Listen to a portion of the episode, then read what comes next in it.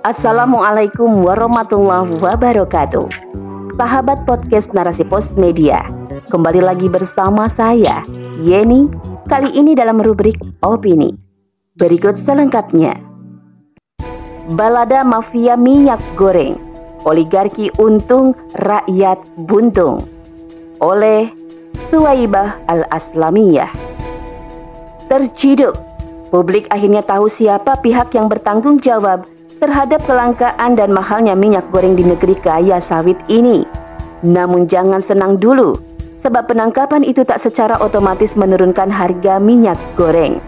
Diduga masih ada kekuatan oligarki di dalam lingkaran istana yang belum terungkap. Belum lagi persoalan sistem saat ini yang menjadi akar masalah dari persoalan multidimensi yang merundung Ibu Pertiwi.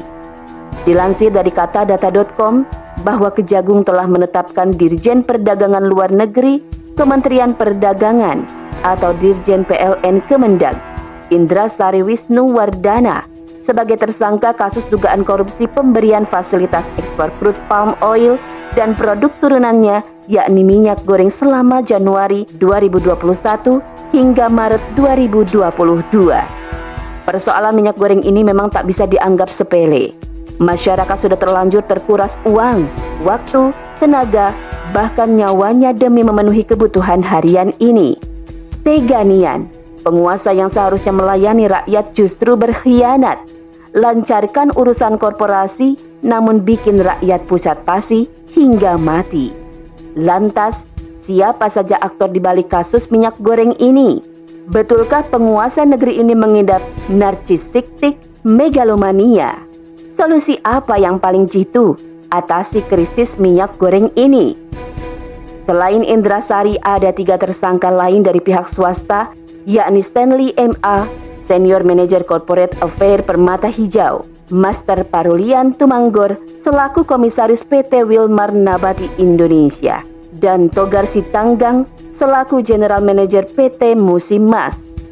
Para tersangka melakukan pelanggaran hukum dengan melakukan kong kali kong agar penerbitan izin PECPO bisa keluar tanpa perlu memenuhi syarat aturan pemerintah. Kemudian menjual produk dengan harga yang tidak sesuai dengan harga penjualan di dalam negeri.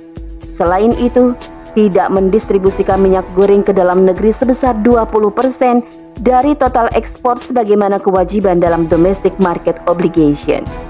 Nahas Pelanggaran itu mengakibatkan timbulnya kerugian pada perekonomian negara dan menyulitkan kehidupan rakyat, yakni mahal dan langkanya minyak goreng.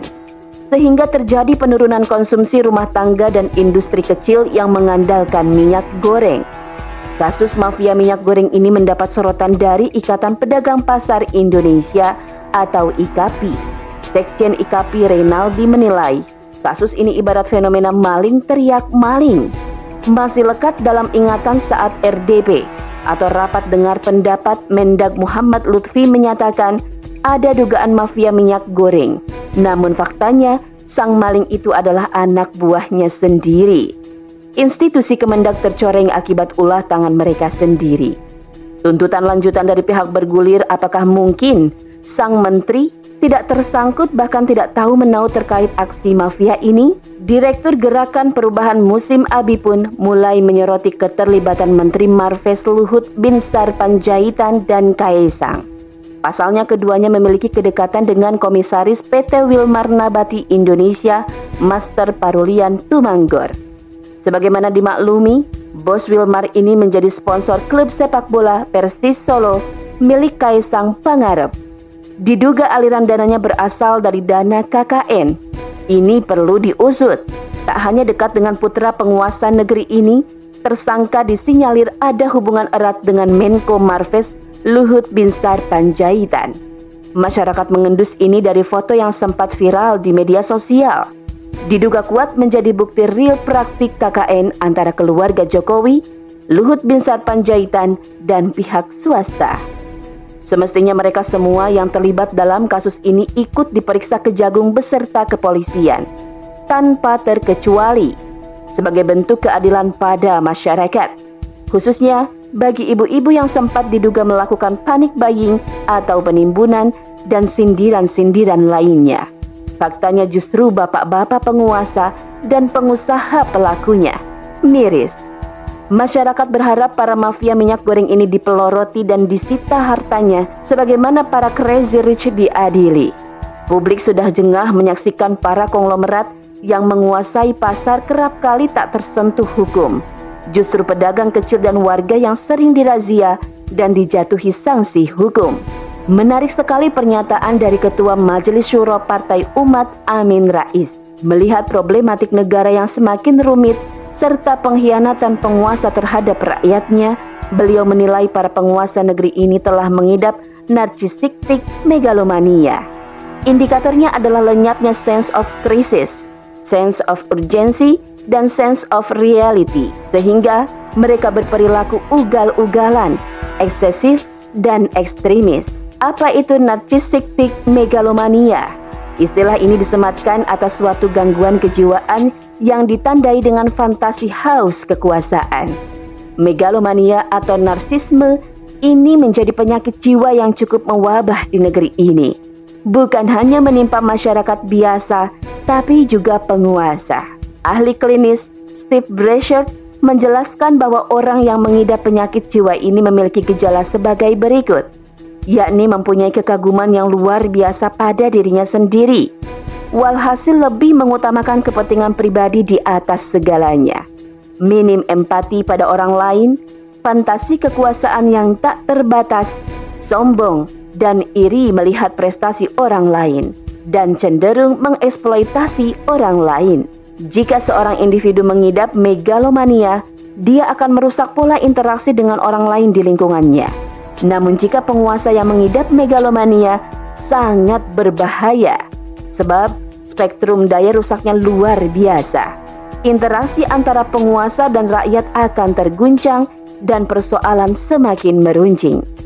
Pasalnya meski penguasa dinilai publik tidak becus mengurus rakyat dan negara, bahkan rakyat tak lagi menghendaki kepemimpinannya berlanjut, namun penguasa ini tetap kukuh mempertahankan kekuasaannya dan berlaga tak berdosa. Alih-alih berintrospeksi dan memperbaiki kinerja, yang ada justru mencari seribu satu cara untuk melanggengkan kekuasaan. Akar persoalan negeri ini bukan terletak pada penguasanya semata, namun pada sistem yang melahirkan berbagai kebijakan yang dijalankan penguasa. Diakui atau tidak, negeri ini telah mendekap kapitalisme sebagai sistem kehidupan termasuk bermasyarakat dan bernegara. Persengkongkolan antar penguasa dan pengusaha menjadi suatu hal yang lumrah dalam pemerintahan korporatokrasi yang bernapaskan oligarki. Inilah wujud lain dari kapitalisme, kondisi di mana pemerintah tak lagi menjadi pelayan terbaik bagi rakyat atau memenuhi kebutuhan publik, tapi justru menjadi celah untuk meraup untung walaupun harus menjalimi rakyat. Polemik minyak goreng sudah cukup lama terjadi, namun mengapa ditangani dengan sangat lambat? Kembali, rakyat yang jadi korban sekaligus objek penderita. Tak lama setelah penangkapan para mafia, Presiden Jokowi mengumumkan bahwa sejak Kamis 28 April 2022, pemerintah akan melakukan pelarangan ekspor CPO dan minyak goreng Hal ini dilakukan agar harga minyak kembali stabil dan suplai melimpah. Namun, apakah penangkapan dan kebijakan ini efektif dalam menurunkan harga minyak dan membuat suplainya berlimpah? Sepertinya akan sulit, mengingat negara korporatokrasi tidak akan membiarkan negara berdikari. Jeratan korporasi terus membelit kaki dan tangan penguasa saat ini. Oleh karena itu, agar persoalan minyak goreng ini sebenarnya perihal pemerintah yang telah lama membiarkan proses produksi hingga distribusi komoditas apa pun diserahkan pada pihak swasta. Tak ada lagi prinsip pelayanan tulus bagi masyarakat dari pemerintah. Yang ada justru berlomba-lomba dalam mencari cuan. Bayangkan saja, mafia yang ditangkap baru-baru ini adalah korporat swasta yang menguasai 46% pasar minyak goreng Inilah salah satu bukti pengelolaan kebutuhan rakyat tidak lagi dikelola negara secara mandiri. Negara tak bertaji di hadapan korporasi. Inilah konsekuensi dari negara yang berparadigma sekuler kapitalistik. Negara seolah lepas tangan dan malah berbisnis dengan rakyat. Oleh karena itu, penyelesaian masalah minyak goreng ini tak boleh berhenti pada penangkapan empat orang tersangka saja. Terus cari dalang di balik kekisruhan ini dan sapu bersih para pengkhianat dari kalangan penguasa. Tak lupa ganti sistem yang melahirkan berbagai kebijakan zalim yang kontra rakyat ini dengan sistem buatan Allah yang menghadirkan kebijakan adil dan membawa rahmat. Sungguh, Islam bukan sekedar agama tapi juga ideologi. Akidah Islam memancarkan aturan paripurna, selalu prima diterapkan dalam berbagai masa dan suasana.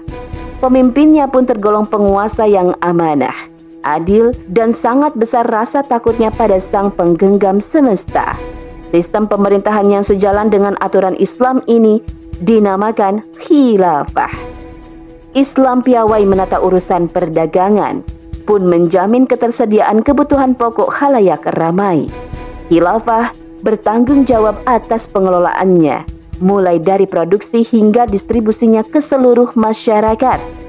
Tak ada ruang bagi praktik kecurangan semisal mengurangi kadar timbangan, menipu konsumen, dan memonopoli harga termasuk juga melakukan penimbunan pada komoditas yang dibutuhkan masyarakat agar harganya melesat dengan tujuan meraup untung besar bagi produsen dan pedagang. Begitu pula dengan praktik kartel atau monopoli pasar yang hanya menguntungkan korporasi. Mereka dengan seenaknya mempermainkan harga. Sementara itu, rakyat tak berdaya dan terpaksa membeli dari mereka. Jelas saja, ini sebuah kezaliman hakiki. Oleh karena itu, Islam dengan tegas mengharamkan kartel. Rasulullah Shallallahu Alaihi Wasallam bersabda, siapa saja yang memengaruhi harga bahan makanan kaum muslim sehingga menjadi mahal merupakan hak Allah untuk menempatkan dirinya ke dalam tempat yang besar di neraka nanti pada hari kiamat. Hadis riwayat Abu Dawud dan Ahmad. Dalam kondisi seperti ini negara harus bersikap tegas berani memberantas praktik kartel hingga ke akarnya.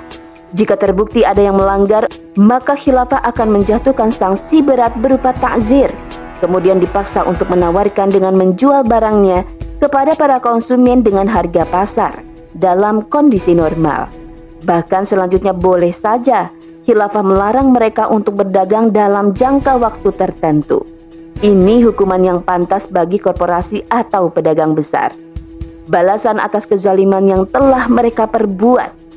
Begitu pula dengan penguasa yang berkhianat akan diberi hukuman berat. Rasulullah Shallallahu Alaihi Wasallam bersabda, khianat terbesar adalah bila seorang penguasa memperdagangkan rakyatnya. Hadis riwayat At-Tabrani. Berkaitan dengan ekspor, khilafah tidak akan gegabah menggelontorkan komoditas ke luar negeri, sementara masyarakat dalam negeri masih kekurangan khilafah akan memprioritaskan kebutuhan dalam negeri, bahkan semua kebijakan yang akan menimbulkan kemudaratan bagi rakyat akan dienyahkan. Sebab hal itu termasuk kemungkaran yang nyata. Rasulullah Shallallahu Alaihi Wasallam bersabda, tidak boleh ada bahaya dan yang membahayakan orang lain. Hadis riwayat Ibnu Majah dan Ad-Daraqutni. Kisah penangkapan mafia minyak goreng ini bukan akhir dari cerita kenestapaan rakyat Sebab dalam gurita kapitalisme tidak secara otomatis hal tersebut akan menstabilkan harga dan mengubah nasib rakyat jadi lebih baik. Hanya khilafah yang bernyali untuk memberangus kartel dan para pengkhianat dari kalangan penguasa oligarki. Khilafah merupakan masa depan umat dan dunia yang sangat dirindukan kehadirannya. Oleh karena itu, mari kita perjuangkan untuk menyongsong tegaknya kembali khilafah wa'dullah. Wallahu a'lam bisawab. Narasi pos, cerdas dalam literasi media, bijak menangkap peristiwa kunci.